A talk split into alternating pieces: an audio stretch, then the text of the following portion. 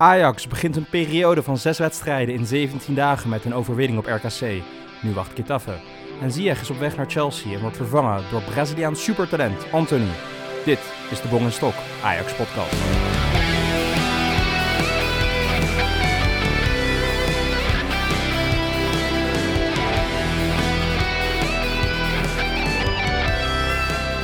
Ajax heeft met 3-0 gewonnen van RKC Waalwijk. Ja, Stok. Niet een hele speciale wedstrijd, maar was dit een uh, goede generale repetitie voor de wedstrijd van aanstaande donderdag in Europa League tegen Getafe? Nou, wat je zegt, het was een vrij simpele overwinning thuis tegen RKC. En eigenlijk wint Ajax gewoon op zijn sloffen, zonder enige energie te verspillen. En wat dat betreft kun je wel zeggen dat het een goede generaal is voor komende donderdag. Ik denk ook niet dat we te veel moeten zoeken achter deze wedstrijd. Het is echt een enorm drukke periode die nu aanbreekt voor ons, voor ons aller Ajax. Ze gaan nou, nog vijf wedstrijden in, in drie weken die ze moeten gaan spelen. Dit is typisch een wedstrijd tegen een, een van de slechtste ploegen in de Eredivisie. Eigenlijk is je niet gemotiveerd voor. Deze moet je gewoon doorkomen zonder te veel energie te verspillen. Zonder blessures. En dat hebben ze prima gedaan. De belangrijke spelers hebben rust gekregen. 3-0, rustige overwinning. In het, in het zakje. Ik, uh, ik zie geen enkel probleem. Prima overwinning. Ja, precies. En weet je wat dat het ook eigenlijk is? Dit is normaal gesproken ook gewoon een verplicht nummertje. En uh, Ajax heeft er nu gewoon nog iets rustiger aan gedaan. Maar als je uiteindelijk gewoon met 3-0 wint, dan is er niks aan de hand. De punten zijn binnen. We staan nu weer zes punten voor op AZ. Uh, prima overwinning. En, uh, en inderdaad blik ik vooruit naar, naar komende donderdag. En wat dat betreft ben ik dan ook wel weer blij dat, dat Blind en Ziyech weer 45 minuten hebben kunnen spelen. Ja, wij hebben best wel vaak kritiek gehad op het wisselbeleid van Erik ten Hag. Maar dat was wel een hele goede wissel van hem, toch? In, in de helft dat hij Ziyech eruit haalde voor Blind. Steeds de minuten een beetje opgebouwd, nu allebei een helft. Dat ze klaar zijn en niet te moe voor donderdag. Ik vond het uh, een slimme wissel van hem. Ja, helemaal mee eens. En uh, ook gewoon niet twee wissels erdoor verspelen, maar gewoon die twee voor elkaar wisselen eigenlijk. Um, ja, was prima uitgedacht. En, en wat je zegt, 45 minuten, dat, dat is belangrijk. Dat ze inderdaad weer wat wedstrijdritme hebben. Uh, het is natuurlijk heel erg anders dan als je op de training weer meedoet. Dus nee, erg positief. Goed gedaan uh, van de medische staf en van Ten Hag. En uh, nou ja, goed, ik hoop dat ze donderdag allebei gewoon de 90 minuten vol kunnen maken. Dat zou het wel het doel moeten zijn, toch? Over spelers gesproken die er eventueel in gaan staan de komende donderdag. Edson Alvarez staat eigenlijk best wel verrassend de afgelopen twee wedstrijden in de basis. Hoe vond jij hem spelen? Ja, je zegt verrassend. Dat komt natuurlijk omdat Per Schuurs geblesseerd is en die is nog steeds geblesseerd. Um, dus ja, eigenlijk moest Ten Hag wel. Uh, het, alternatief zou Kik Peri zijn. Nou ja, goed, dan, dan maar Alvarez uh, om mee te beginnen. Ik vond hem eigenlijk, als ik terugkijk naar de wedstrijd tegen Vitesse, de kwartfinale in de beker, vond ik hem erg matig. Maar ik vond hem vandaag eigenlijk wel een stuk beter weer, weer spelen. Je zag dat hij wat meer ritme had. dat hij daar meer aan gewend raakte om achterin te spelen. En ja, voetballend kan, kan Alvarez niet zo bijzonder veel. Maar hij zat, hij zat er wel vaak tussen en had vaak wel goede verdedigende acties. Dus eigenlijk viel het me hartstikke mee. En uh, nou ja, goed, hij heeft ook de lengte waar we eerder al over gehad hebben voor uh, wat, misschien een minpuntje is van Ajax. Dat ze met tegenstanders in standaard situaties toch al wat moeite hebben. Um, dus ja, positieve zinnen zijn me wel enigszins opgevallen.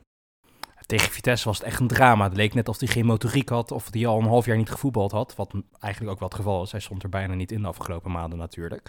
Maar je ziet echt dat deze jongen gewoon door het feit dat hij wat meer wedstrijden speelt, er gewoon wat beter in komt. Hij heeft natuurlijk op persoonlijk gebied wat problemen gehad. Zijn familie mag niet in Nederland komen vanwege immigratieproblemen met visums, uh, dergelijke dingen. En zijn familie is deze week, vlak na de bekerwedstrijd, voor de, deze wedstrijd in Londen bij elkaar gekomen. Dus hij heeft zijn dochtertje weer gezien, zijn vrouw. Nou, dat is natuurlijk hartstikke leuk voor de jongen. En je ziet gewoon dat dat belangrijk is en dat hij uh, daardoor lekker in zijn vel zit. En volgens mij is per Schuurs is het niet echt zeker dat hij fit zal kunnen zijn voor de wedstrijd donderdag tegen Getafe. Dus Alvarez zal er moeten staan. En blij dat hij deze wedstrijd gewoon zichzelf heeft kunnen laten zien. Want uh, hij kwam een stuk positiever naar voren dan, dan de wedstrijd tegen Vitesse. Dus nou, Alvarez heeft een, een goede indruk achtergelaten en dat geeft hoop. Ja, en, daarnaast wat we vorige week al zeiden, is dat uh, ja, je hoopt toch dat zo'n blind, zo'n Alvarez een beetje aan kan sturen. En dat zag je vandaag ook wel. De tweede helft ging inderdaad nog een stuk beter ook. En de verdediging leek een stuk solider uh, met die twee achterin. Dus ook daar is het belangrijk dat blind weer terug is, want daardoor gaat Alvarez ook gewoon beter spelen. Ja, blind is zo belangrijk voor dit elftal. Je ziet het al gelijk. Als hij daarachter staat, die inspeelpaas die in één keer van achteruit geeft. Hij slaat gewoon een linie over, speelt direct de linksbuiten of de spits aan. Het spel gaat er gewoon veel sneller van lopen. Het is, is ongelooflijk belangrijk. We, herhalen ons elke aflevering weer. Maar Daley Blind is gewoon een cornerstone, echt een sleutelspeler voor, voor dit Ajax. En het is gewoon enorm nodig. Ook Martinez op het middenveld is gewoon een betere fit. Het, is, uh, het hele elfte gaat er beter doorlopen. Zonder Blind in de tweede helft en als Sierger uit was gegaan, was het misschien, wel, uh, was het misschien nog wel problematisch geweest. Want RKC kwam er een paar keer gevaarlijk uit. Maar je zag wel een aanvallend opzicht. De tweede helft na de wissel van Blind voor Ziyech dat de creativiteit wel echt ontbrak hè, bij Ajax. Dat je, er was geen mannetje dat het paasje tussendoor, de beslissende paas of het doelpunt kon maken. Dat duurde echt heel lang. Je zag gelijk dat Hakim gemist werd. En hopelijk dat hij fit genoeg is om 90 minuten te gaan voormaken de komende wedstrijden. Ja, helemaal eens. Is er verder nog iets uh, opgevallen tijdens de wedstrijd, Bon? Nou, er zijn eigenlijk twee, de, de, twee backs van Ajax zijn mij opgevallen deze wedstrijd. Nico een hele positieve zin en uh, Des een negatieve zin. Om maar uh, met het positief te beginnen. Nico Tagliafico, ik, ik, ik heb er even op gelet deze wedstrijd. Hij is zo ongelooflijk slim positioneel. Wij praten altijd over zijn agressiviteit, hoe hij de duels ingaat. Dat hij ook onvervreesd is in een kopduel met corners, dat hij gevaar is in de lucht. Maar wat hij eigenlijk doet op verdedigend gebied, wat minder opvalt, is hij is positioneel zo enorm slim. In een sprintduel, hij ziet de lijnen en de hoeken. Het is bijna een soort van wiskundige. Hij ziet hoe hij iemand kan afsnijden, dan gooit hij zijn lichaam daarvoor. Dan loopt die aanvaller tegen hem aan en dan, ja, dan valt hij om. Dan is het gewoon per definitie een overtreding. En dat zijn van die hele slimme dingen. Hij hoeft niet altijd de duel aan te gaan. Hij hoeft niet altijd eerst bij de bal te zijn. Maar gewoon door slimmigheden is hij gewoon altijd beter in de duels. En krijgt hij vaker, heeft hij vaker balbezit dan de tegenstander. Dat is zo slim. En ook in aanvallend opzicht. Je zag vaak vorig jaar dat Nico Tagliafico als linksbuiten eigenlijk in aanvallend opzicht er steeds aan de buitenkant overheen ging. Met de voorzet kwam, het veld breed hield. Maar ook nu in een, blijft hij zich daar aan ontwikkelen. Hij zit nu eigenlijk meer te spelen als een Beb Bakhuis vroeger dat deed in de jaren 30 voor de Eerste Wereldoorlog. Op zijn uh, linksbinnen heette die positie. Dat hij gewoon echt letterlijk, ja, weet je wel, tussen linksbuiten en een spits opduikt in zo'n ruimte waar niemand hem verwacht. En wordt hij aangespeeld, kan hij doorlopen, hij kan de bal afgeven naar links. Ja, het, is, positioneel zo slim. En ik, hij blijft me verbazen, Nico Tagliafico. Echt, echt indrukwekkend. Ja, ik vond hem inderdaad een erg goede wedstrijd spelen. En uh, een moment op mij echt opviel vandaag van hem was dat hij, hij stond op een gegeven moment echt op het middenveld. Zeg maar op de positie van Donny. Op een gegeven moment was hij uh, verdwaald geraakt.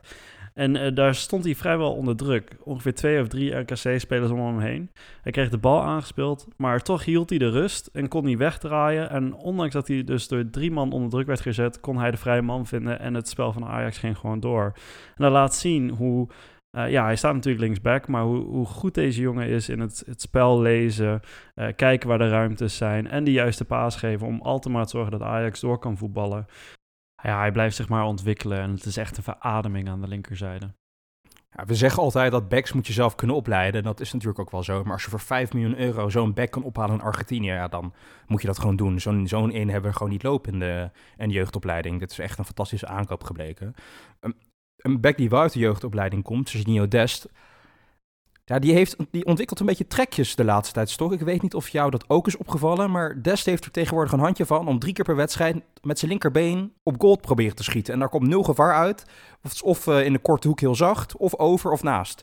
Ja, ik begrijp niet of dat een instructie is, of dat hij denkt van ik moet meer gaan scoren, of dat hij denkt dat hij toch weer rechtsbuiten gaat worden. Wat is dat met Serginho Dest en op, op goal schieten met zijn linker? Ja, dat is een goede vraag. Ik denk dat het eigenlijk uh, echt is gaan spelen sinds uh, die geruchten dat hij naar Bayern München gaat uh, komende zomer. Um, hij denkt dat werk echt dat hij heel erg goed is en dat hij stiekem ook misschien wel als een aanvaller kan spelen. En daardoor vergeten we wel eens dat hij gewoon rechtsback is en dat hij de bal aan Tadic moet geven of dat hij de bal aan Ziyech moet geven en niet voor eigen succes hoort te gaan. Um, ik vind inderdaad dat hij een vrij matige pot speelde. En eigenlijk is het weer zo'n typisch gevalletje waar je weer de discussie moet hebben moeten we Mazraoui maar weer niet gaan proberen. Um, ja, gewoon een erg slechte wedstrijd. En ik hoop dus ook dat hij donderdag gewoon weer in het teambelang speelt en minder voor eigen succes gaat. Ja, dat gevoel krijg ik inderdaad ook, dat hij meer op zoek is naar individueel succes. Dat, het is ook wat vorig jaar ook speelde rond deze periode, dat Ajax even wat mindere flow zat.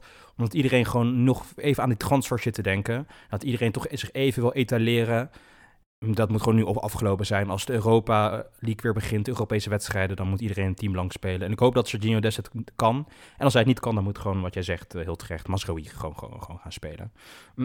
En denk je dat ik er nog wat uithalen stok trouwens? Uh, niets meer over de wedstrijd, maar voel jou het ook op dat er enorm veel lege plekken waren in de arena deze wedstrijd? Nou, nog sterker. Ik heb me daar ontzettend aan geïrriteerd. Uh, Bong, wij weten allebei hoe moeilijk het is om tegenwoordig kaartjes te kopen voor Ajax. Ondanks dat bijvoorbeeld wij ook heel graag vaker zouden willen gaan. maar het is vrijwel altijd uitverkocht, dat is mooi. Maar dan moeten de mensen ook wel echt gaan. En gaan ze niet, hebben ze een seizoenkaart en kunnen ze een keer niet. Dat is, dat is helemaal te begrijpen.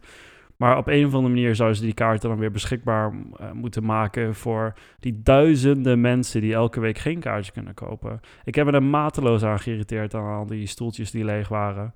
En uh, ik vraag me echt af of het niet tijd wordt dat Ajax daar wat aan gaat doen. Er zit een wachtlijst van 30.000 mensen die een seizoenkaart willen hebben dan zou je toch verwachten dat elke wedstrijd, op welke manier dan ook, gewoon vol zou moeten zitten, de hele arena. Ik begrijp dat het krokusvakantie is, dat mensen willen gaan skiën. Dat, wil ik zelf ook heel graag. Nou ja, dat valt wat te begrijpen. Maar er moet toch een manier zijn. Geef die kaart aan iemand die naar die wedstrijd toe wilt. Bied ze aan, gratis. Maakt niet uit. Er zijn zoveel echte Ajax-supporters, echt Amsterdammers die naar zo'n wedstrijd willen. Nou, een oproep aan alle supporters die niet bij een, uh, een wedstrijd kunnen zijn vanwege andere verplichtingen. Regel dat je seizoenkaart aan iemand wil, wordt gegeven die echt naar de wedstrijd wil en kan. Zodat ook de sfeer in het stadion gewoon beter is. Werkt ook motiverender voor de spelers. Iemand, iedereen heeft een mooie dag in het stadion. Je kan een keer naar Ajax kijken. Laten we er alle met z'n allen even wat aan gaan doen. Een platform opzetten, zodat dit uh, gewoon beter kan geregeld worden in de toekomst. En dat we geen lege plekken meer zien in de arena, want dat ziet er ook op tv niet uit. Nee, helemaal mee eens. Nou, Bong, we kunnen dus eigenlijk wel concluderen dat Ajax een prima uitzwaaiwedstrijd heeft gehad richting de wedstrijd naar Getafe. De spelers zullen deze week dan in het vliegtuig stappen naar Spanje. En er zijn nog wel een paar vragen over die wedstrijd, Bong. Bijvoorbeeld, ehm, hoe moet Ten Hag nu gaan spelen en wat voor opstelling moet hij uh, daar neerzetten om Getafe toch een goede ploeg uit Spanje te bestrijden? Nou, ik denk dat de allerbelangrijkste een goede voorbereiding is. Ik denk dat ze een, een replica moeten maken van het hoofd van Bruno Varela. Een soort van masker dat je op een hoofd kan plakken en dat op het hoofd van André Onana plakken. Want anders zie ik het heel donker in. Voor de keeperspositie. Want oi, oi, oi, oi, heb je, die, uh, heb je de wedstrijd van Jong Utrecht tegen Jong Ajax gezien? De blunders van Bruno Varela. 2-7, 4-5, echt mega blunders van Varela. Ja, dat wordt een dingetje hoor. Want de rest van het elftal heeft bewezen dat ze mee kunnen op Europees niveau. Maar ja, de keeperspositie is echt een enorm vraagteken. Kiel Scherp heeft nog nooit in Ajax 1 gespeeld. Nooit een officiële wedstrijd. Bruno Varela 1 en staat nu echt te blunderen in een wedstrijd van jong Ajax. Ik vind het, ik vind het zorgwekkend. Dus ik, ik, ik weet niet wat daar de oplossing voor is. Ik weet niet of Bruno Varela vertrouwen heeft. Of dat de Kiel Scherper zou moeten zijn. Ja, zeg het maar. Ik, ik zie het niet zo 1, 2, 3 de oplossing. Nee, ik vraag het me ook af. En eh, er zijn veel interviews geweest met spitsen of met uh, keeperstrainers en, andere mensen die, die vaker misschien wel naar jong Ajax kijken dan wij. En die zeggen dat uh, nou, inderdaad Kjell Scherper misschien maar eens een keer een kans moet krijgen, omdat hij toch wel erg stabiel aan het keeper is tegenwoordig. Ja, we hebben Bruno Varela ook amper aan het werk gezien, behalve deze dramatische pot tegen Jong Utrecht. Ja, het, het, lijkt alsof wij gewoon eigenlijk geen vervanger klaar bestaan voor Onana. En uh, dat zou ons zomaar op kunnen breken komende donderdag. Dus dat is zeker een, uh, ja, een hoofdpijndossier voor Ten Hag, lijkt mij. Is het ook niet erg slecht eigenlijk dat Verreda nooit speeltijd heeft gekregen in de KNVB-beker? Ten Hag heeft er altijd voor gekozen om Onana op te stellen in dit soort wedstrijden. Ook in de vroegere rondes van de KNVB-beker, zelfs tegen de amateurs. Dat zijn toch wedstrijden waar Varela ritme had kunnen opdoen, vertrouwen had kunnen opdoen, kunnen wennen aan het spelen in arena met zijn medespelers in een wedstrijdkader. Ik denk dat Ten Hag dat toch onderschat heeft hoe belangrijk dat is dan toch eh, een keer ritme te geven aan zo'n speler. En dat zou misschien wel inderdaad Ajax kunnen gaan opbreken komende donderdag. Maar buiten de keeperspositie, ik denk dat we ons heel gelukkig moeten prijzen dat Daley Blind en Hakim Ziyech fit lijkt te zijn om minimaal 70 minuten mee te doen tegen Getafe. Want we zien gewoon hoe groot de invloed van beide spelers zijn. Wat je wel al hebben gezegd in onze vorige podcast, lengte zal van enorm belang zijn in de verdediging en organisatie. Nou, Daily Blind met Edson Alvarez. Ik, ik, denk dat dat geen vraag meer is. Ik denk dat dat gewoon het centrale verdedigingsduo zal zijn komende donderdag. Nico Tajafiku staat ook al vast. Persoonlijk zou ik gaan voor Masraoui in plaats van Dest. Zou je dat ook doen? Ik denk qua ervaring zou ik dat zeker doen. Um, qua lengte helpt dat natuurlijk ook. Um, dus ik zou inderdaad denk ik wel beginnen met een Masraoui. Ik vind overigens uh, een, een ander interessant punt wel, als ik kijk naar de opstelling, is gaat Ajax weer terug naar het Champions League systeem. Dus met Tadic weer in het centrum. Um, of blijven ze spelen zoals ze bijvoorbeeld ook vandaag speelden, met Ziyech op 10, Tadic aan, de, aan de of rechterkant, in het midden Traoré of, of Wintelaar en dan links Babel. Um, of gaat hij dus inderdaad weer Tadic in het centrum, Ziyech misschien weer naar de rechterkant, Donny op 10. Um, ik, ik ben daar wel heel erg geïnteresseerd in om te kijken van wat, wat bedenkt Ten Hag en hoe denkt uh, Ten Hag uh, Getafe ja, te kunnen bestrijden op die manier. Ik denk dat gezien het een Europese wedstrijd is, dat Ajax is altijd gevaarlijkst gebleken als ze dynamisch zijn in de voorhoede. En niks tegen Ryan Babel, maar je ziet dat Ryan Babel is nog steeds dezelfde speler die hij een paar jaar geleden was. Zij hij trekt naar binnen en schiet op goal. Toch niet heel veel dynamiek. Het is geen slechte speler, maar gaat niet het verschil maken op Europees niveau. En Ajax met de spelers die met elkaar kunnen verwisselen van positie, de steekballetjes, het korte combineren, dat is waar het Ajax succesvol maakt op Europees niveau. En gezien de ontwikkeling van de middenvelders die uit de jeugd, denk ik dat we dat ook kunnen opvullen. En ik denk dat Sier daarom hangend op rechts gaat spelen. Heeft hij ook iets minder verdedigend werk te doen, denk ik. Gezien zijn fitheid, dat hij net terug is van een blessure, is dat ook wel goed, denk ik. En Donny op 10 heeft toch iets meer het middenvelder-instinct, iets meer, meer mee verdedigen. En Martinez staat gewoon waarschijnlijk op het middenveld als, als breker. En dan zet je daar maar denk toch een Ryan Gravenberg maar neer als middenvelder. Want ik, ik, ik zie toch liever Ziyech op, op rechtsbuiten. Niet omdat ik Ziyech op 10 niet goed vind. Ik vind dat een geweldenaar. Ik kijk daar heel graag naar op 10. Dat is toch de meest creatieve speler die we hebben. Maar ik denk als hij hangt op rechtsbuiten staat, heb je gewoon veel meer creativiteit in je aanvalslinie. Met Tadic als bewegelijke spits, dan weten die centrale verdedigers nooit wat ze moeten doen. Want Tadic speelt nooit in de spits. En ja, dan moet je op links ja, dan moet je dan ja, toch maar Babel zetten of, of Traoré die vanaf naar binnen komt. Maar ik denk dat dat beter is, want je dan heeft met Ziyech in de aanval is er gewoon meer dynamiek, is er meer combinatievermogen. Ik denk dat het eigenlijk gewoon veel meer opties geeft en dan kan je het systeem ook aanpassen naar als het niet lekker loopt dat Ziyech op 10 gaat spelen om meer creativiteit erin te brengen.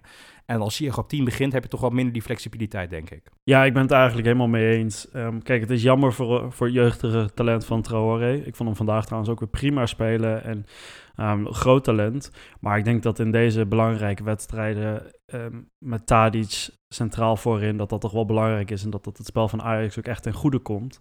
Dus ik verwacht inderdaad ook dat Ten Hag weer gaat spelen in de Champions League opstelling. Ik verwacht inderdaad ook Ziyech op, op rechts, Babel op links en dan Donny op, op 10. Um, ehm, en ik, ik denk dat dat ook gewoon de beste opstelling op dit moment is. Daar is het team ook het meest op ingespeeld. Uh, en daar maak je ook de meeste kansen mee.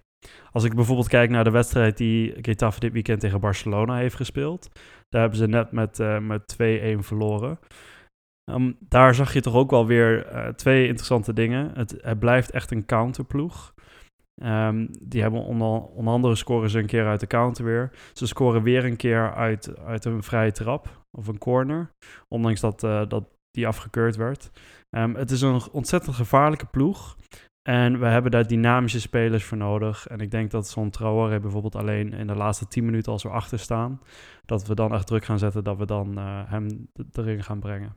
Ja, iedereen weet dat tegenwoordig wel dat Traoré, dat is mijn boy. Dat, uh, ik heb een liefdesverhouding met uh, Lassina Traoré. Dat vind ik zo geweldig naar zo'n blok beton. Maar voor deze wedstrijd is hij gewoon nog niet grijp. Hij moet nog gewoon echt leren. Eerst maar eens in de Eredivisie uitblinken wekelijks voordat hij dit soort wedstrijden echt aan kan.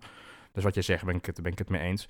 En Getafe, ik heb de wedstrijd ook gezien tegen Barcelona. Ze verdienen gewoon meer, hè. Het is gewoon echt een goede ploeg. In Camp Nou, je zag dat Barcelona gewoon bang was voor Getafe. Dat ze, ondanks dat ze heel verdedigend speelden, heel comfortabel in het feit dat ze ja, Messi tegenover zich hadden. Ja, je ziet gewoon dat, dat het gewoon een hele lastige ploeg is. Wat mij erg opviel is dat zij met best wel veel spelers hoog verdedigen op één lijn. Dus je hebt echt het speler nodig die hem perfect achter de laagste linie kan leggen. En daar heb je Ziyech voor. Ik denk dat Ziyech heel belangrijk is. Een enorme zonde dat Quincy Promes, waarmee hij toch die connectie heeft, waar die, die, die weet wanneer dat balletje achter de linie gaat komen van, van Ziyech, er waarschijnlijk niet bij is. Want weet jij precies de status van Promes toch? Ja, die gaat die wedstrijd helaas niet halen. Neres ook niet.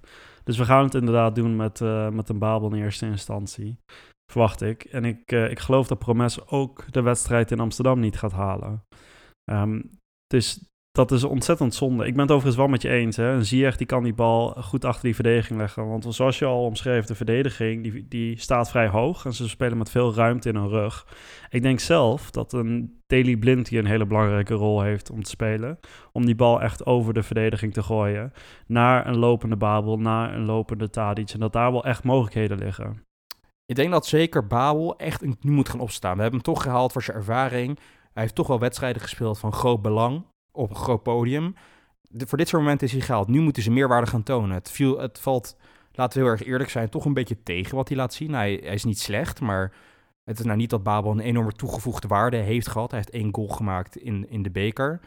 Nu moet hij laten zien. Hij is een speler die Promes kan vervangen met de diepgang. Hij moet er nu voor zorgen dat er constant dreiging is. Dat Ziyech zijn ei kwijt kan. Dat hij dat balletje kan geven. Dus ja, Babel, sta op. Laat zien dat je een echte een kind van de club bent. En, en, en leg er een paar balletjes in in Spanje. Want dat zou ons enorm vooruit helpen. Maar eh, Bong, wat verwacht jij? Wat is jouw voorspelling en wie gaat er scoren? Ik weet eigenlijk niet zeker of er überhaupt gescoord gaat worden, Stok. Eh, als ik de wedstrijden van Getafe zie, zij zijn verdedigend zo ontzettend solide. Ze spelen ook thuis. Het is een ploeg die nu in een lekkere flow zit.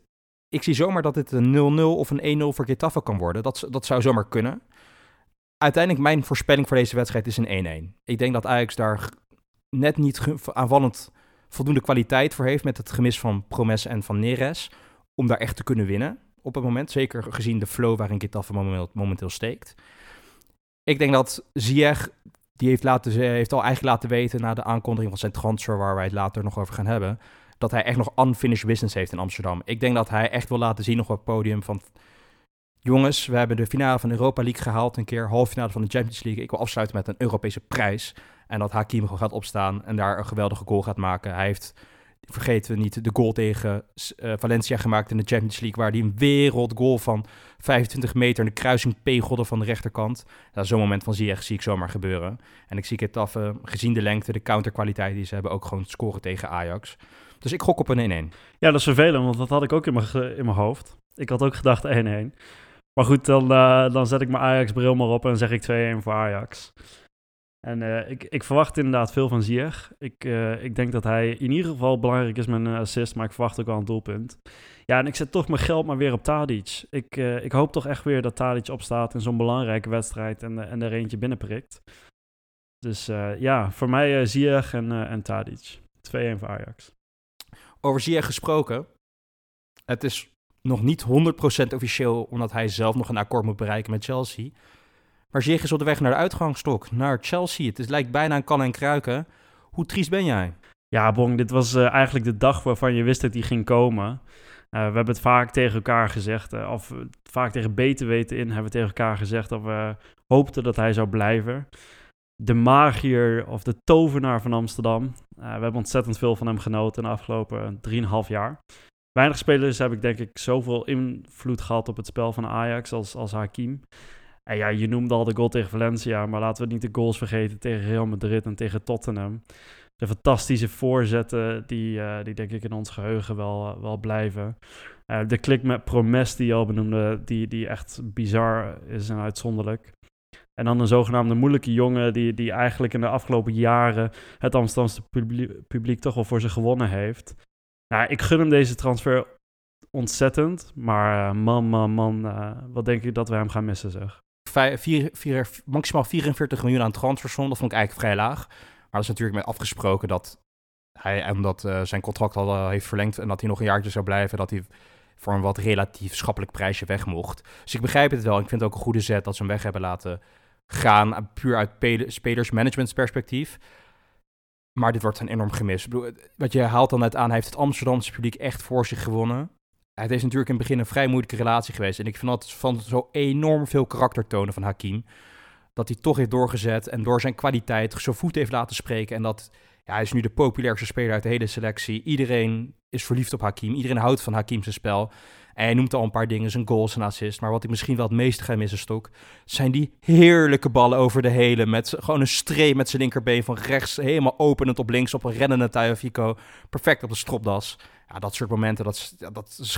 En we gaan het pas echt missen volgend jaar als hij er niet meer is. Denk van, oh, wat, waar is die nou, Hakim? We moeten echt elke minuut die hij nog in het rood en wit speelt, in ons magische en heilige shirt, dat moeten we koesteren. En naar kijken, neem het op in je, denk eraan en, en onthoud het. Want het gaat echt een paar jaar duren voordat we weer zo'n voetballer in onze selectie hebben. Dus uh, Hakim, het is je gegund, maar we gaan je missen. Maar uh, ja, er kwam gelijk nieuws vanuit Ajax-kant, nou ja, indirect eigenlijk, via uh, Danny Blind geloof ik zelfs, dat Ajax toch wel erg serieus is voor een potentiële nieuwe Braziliaanse ster, Bon. Ja, Anthony. Ja, dus het, het speelde in de winterstop natuurlijk al dat ze hem wilden halen. Dat is toen niet gelukt. Nu hebben ze waarschijnlijk de benodigde cash binnengekregen om die transfer alsnog af te ronden. Wat ik wel vrij apart vind dat je niet genoeg cash hebt gezien je bijna 200 miljoen hebt gecashed voor Frenkie de Jonge Matthijs ligt. Ik weet niet wat ze met dat geld gedaan hebben. Maar dat is toch apart dat je dat nu het geld van Ziyech nodig hebt om die transfer af te ronden. Ik, ik vind het een hele interessante transfer. Op de TV, Fox Sports was Mark van Basten nogal fel tegen deze transfer eigenlijk, Stok. Hij zei, hij vindt het echt ridicuul dat Ajax 20 miljoen aangeeft voor een ja, 19, 20-jarige buitenlandse aanvaller. Vindt het een enorm groot risico. En wat Marco van Basten eigenlijk zei, is dit is ook een enorm slecht ja, teken richting de jeugdopleiding. Dat we eigenlijk gewoon zeggen dat Ajax dit soort spelers niet meer kan opleiden. Ja, ik vond het een vrij interessant commentaar van San Marco. Kan jij daarin vinden, Stok? Nou, ik vind het altijd een beetje makkelijk om te zeggen, hè, dit, dit soort spelers moet je zelf op, ook kunnen opleiden. Ajax investeert veel in de jeugdopleiding en, en dat proberen ze natuurlijk wel. Als ik naar Pieter Visser luister, uh, de meester scout van Chelsea, uh, die gaf aan dat hij al jarenlang deze speler volgt, Anthony. En uh, dat dit toch wel echt een super talent is in Brazilië. En ondanks dat die jongen nog veel te leren heeft, dat dit toch wel ja, echt een uitzonderlijk talent hoort te zijn. En ik denk dat in dit soort momenten het dan juist goed is dat Ajax toch uh, ja, het geld beschikbaar maakt, echt uh, de knip trekt. Om, om dit soort ja, talenten toch wel in Amsterdam te krijgen. Ik denk voor die jongen dat het een goede beslissing is. Hè. Hij kan bij ons rijpen, hij kan bij ons uh, ja, aan, aan zijn aandachtspunten werken. Om de andere moet hij uh, efficiënter worden, moet hij blijkbaar uh, meer rendement uit zijn spel halen. Nou, daar krijgt hij bij Ajax wel de tijd voor. En als hij naar Real Madrid of zo was gegaan, dan, dan was dat natuurlijk niet zo geweest. Dus ja, San Marco, ja, die heeft in principe een punt. Maar ik denk dat je voor echt uitzonderlijk talent, dat je prima daarvoor geld neer kan leggen. Vooral omdat Ajax het geld ook heeft. Ik, vind het ook een goed signaal, want dit, zijn, dit is wel een talent waar echt de wereldtop achter zat, achteraan zat. De Real Madrid, Manchester United, uh, pardon, niet United, maar Manchester City, Borussia Dortmund, Juventus. Dat waren clubs die in, met hem in verband werden gebracht. Het is niet zoals een Marine of een Alvarez die gehaald zijn in de afgelopen periode waar eigenlijk niet andere grote namen achteraan zaten. Van dit is echt een jongen die echt al een beeld was bij de allergrootste clubs van de wereld. En Ajax wil gewoon mee met deze, ja, met de Champions League, om, om weer in die knock-out fases te, terug te komen. Ja, ik denk dat dit een jongen is. Dit is een signaal ook naar de rest van Europa. Van wij gaan echt serieus meedoen. En als wij nu ook zo'n jongen binnenhalen voor 20 miljoen. Of maximaal 24 of 28 miljoen. Dat zet ook een precedent voor toekomstige transfersommen die je gaan vragen voor dit soort spelers. Dat een Hakim gaat niet meer weg voor 44 miljoen. Maar voor een paar moet dat, uh, de ondergrens daarvoor 70 miljoen zijn bijvoorbeeld. En dan haal je spelers ook gewoon wat makkelijker binnen. Ik ben wel fan van de transfer. Ik begrijp wat San Marco zegt. Ah, het is een tijd geleden sinds Ajax echt een topaanvaller uit eigen jeugdopleiding heeft opgeleid. Maar ik denk ook wel, dat is echt ook geluk. Hè? Dat zijn echte toptalenten. De, de Messi's en de Ronaldo's, die worden eens in een generatie geboren. Je kan altijd een rechtsback opleiden. Je kan altijd een rechtsbuiten omscholen naar een verdediger. Een middenvelder kan je opleiden. Maar een aanvaller moet je gewoon geluk bij hebben dat zo'n talent er echt tussen zit. Ja, momenteel hebben die gewoon eventjes niet. Dat komt wel weer aan, maar ja, op het moment eventjes niet. En dan vind ik het eigenlijk heel logisch dat je dat in het buitenland gaat zoeken. En ik vind het heel positief dat ze niet een middelmatige speler een, een misschien talent gaan halen, maar gewoon echt een supertalent. Want ik heb met onze Braziliaanse bolle, pardon, bronnen gebeld van de Global Sporten in, eh, in Brazilië. Ja, en die zijn ook gewoon enorm lovend over deze speler. Dit is een speler die ook in de jeugdelftallen van Brazilië het verschil echt maakt. Het is David Neres, voordat hij naar Ajax kwam, speelde niet eens in de eerste elftallen van, van de Braziliaanse Liga. Die speelde op het tweede niveau. Ja, en deze jonge Anthony, die speelt gewoon echt al in de, ja, de eredivisie van Brazilië en maakt daar het verschil. Dus zet een record na record voor als jongste speler betrokken bij zoveel doelpunten. Als eerste zoveel assists, als jongste dit, als jongste dat ja, dit is echt een toptalentstok. En ja, wij krijgen misschien als Nederlanders wat minder mee van deze competitie. Maar dit is echt een jongen die, eh, als alles de goede kant op valt, echt een kans heeft om een wereldtopper te worden. En die gewoon een goddelijke kanarie gaat worden in de toekomst. Ja, laten we het, uh, laten we het zeker hopen, Bong.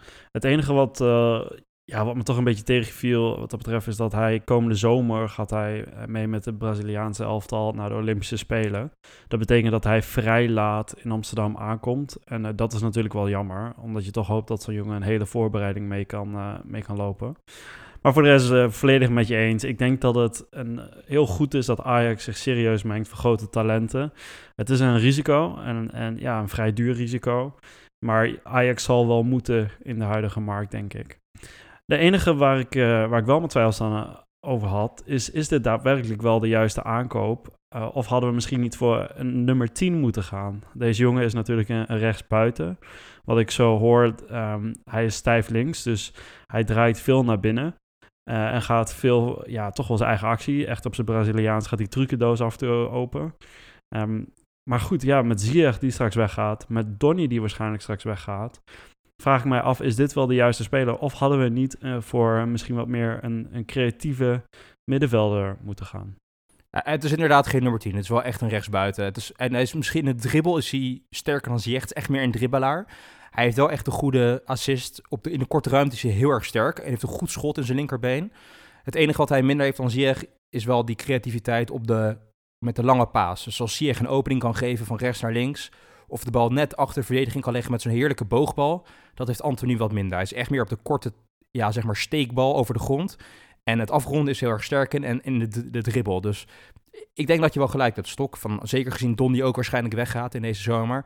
Is er nog werk te verzetten om een creatieve middenvelder, iemand die de bal achter de verdediging kan leggen en, en, en het aanvalspel kan initiëren met creativiteit. Die moet nog gewoon gehaald worden. Dat, dat is Anthony niet. Maar in potentie, voor wat hij is, is hij wel een van de beste die, eh, die er momenteel rondloopt. Dus ik ben heel positief.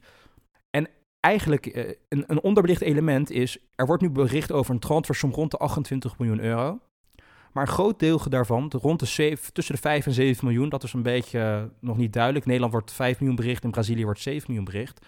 Is gerelateerd aan het kopen van de transferrechten van David Neres. Dus Ajax had 80% van de transferrechten van David Neres gekocht. En nog 20% was in de bezit van Sao Paulo, de club waar ook Anthony nu vandaan gaat komen.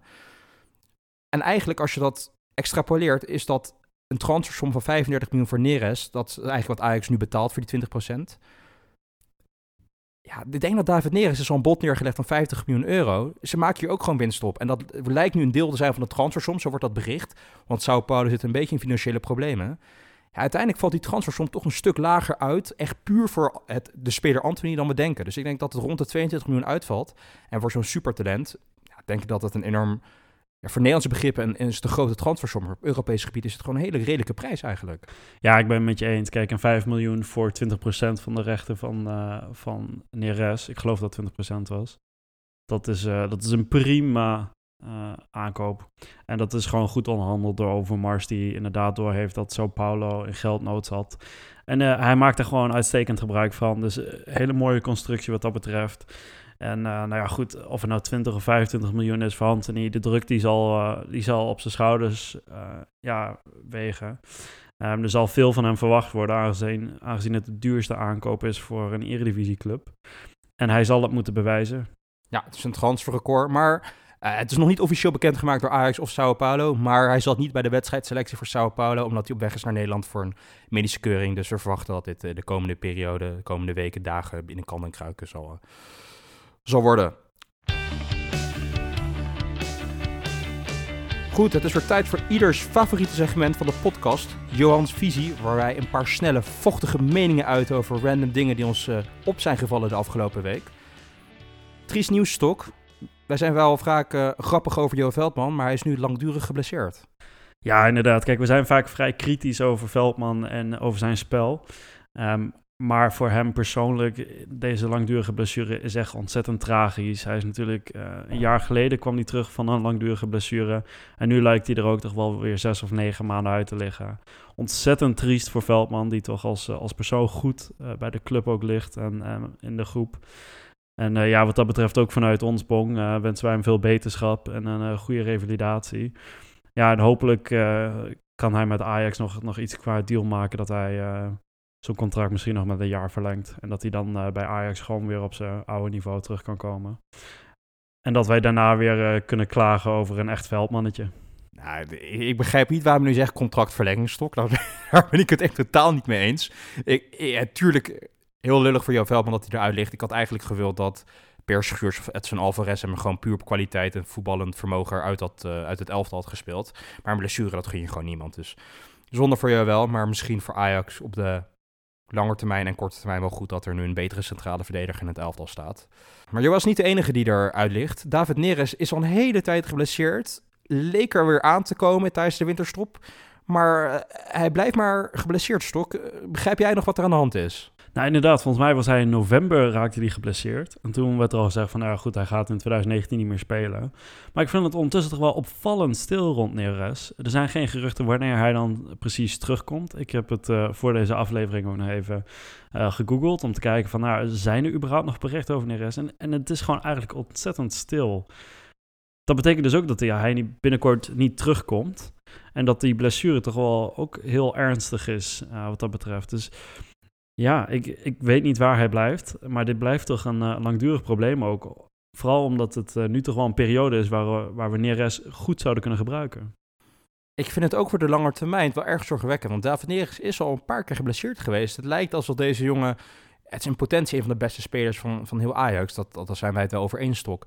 Maar hij is wel steeds vaker geblesseerd. En het lijkt wel een beetje de man van glas aan het worden. En dat is toch wel gevaarlijk. Laten we hopen dat het niet zo is en dat hij gewoon een ja, onverwachte terugval in zijn herstel heeft gehad. Maar je hoort ook inderdaad wat je zegt. Niet dat hij met de groep mee traint. Niet dat hij hier is of aan, bij een dokter. Ja, er is gewoon complete stilte, radiostilte rond, rondom David Neres. Ja, ik, denk dat, ik hoop dat het gewoon een slechte communicatie van Ajax kant is. Want ik zou graag willen weten wat er aan de hand is en wanneer die terugkomt. Want het is gewoon een hele belangrijke speler. Nou, dus laten we hopen dat, uh, dat Ajax gewoon een spelletje speelt en uit de hoge hoed tovert om uh, deze of volgende week weer aan, uh, aan aftrap te, te, zien verschijnen. Maar ik betwijfel het. Maar Bong, er is je nog iets opgevallen vandaag. bij Fox zet jouw favoriete commentator aan de zijlijn commentaar te geven. Kees Kwakman. Nou, wij hebben het stok. Wij hebben het dus al vaker over die Fox Sports coverage van Ajax. We hebben het over Hans Kraaij junior gehad, die gewoon niet kon interviewen. En dan krijg je nu, denk je van, nou oké, daar hebben we kritiek op gehad. Fox luistert naar ons. Ze vervangen de coverage mensen, de mensen die verslag doen van Ajax.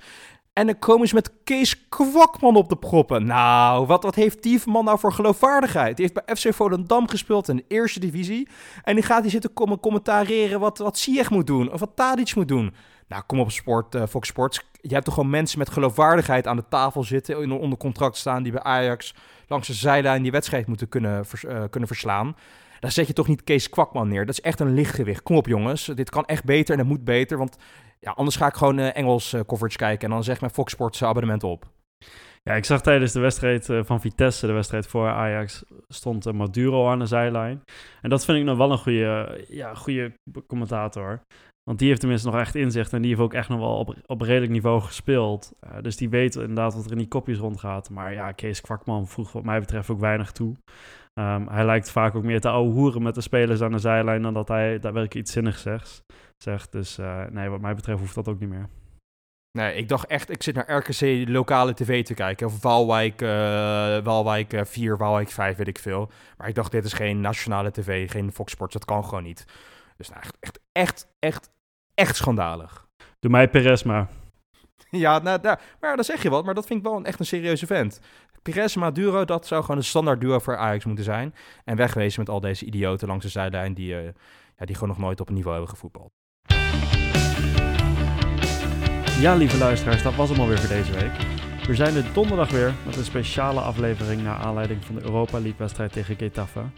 Vergeet je niet te abonneren op de podcast via je favoriete podcast app en ons te volgen op Instagram. Dan mis je namelijk geen enkele aflevering meer. Tot donderdag.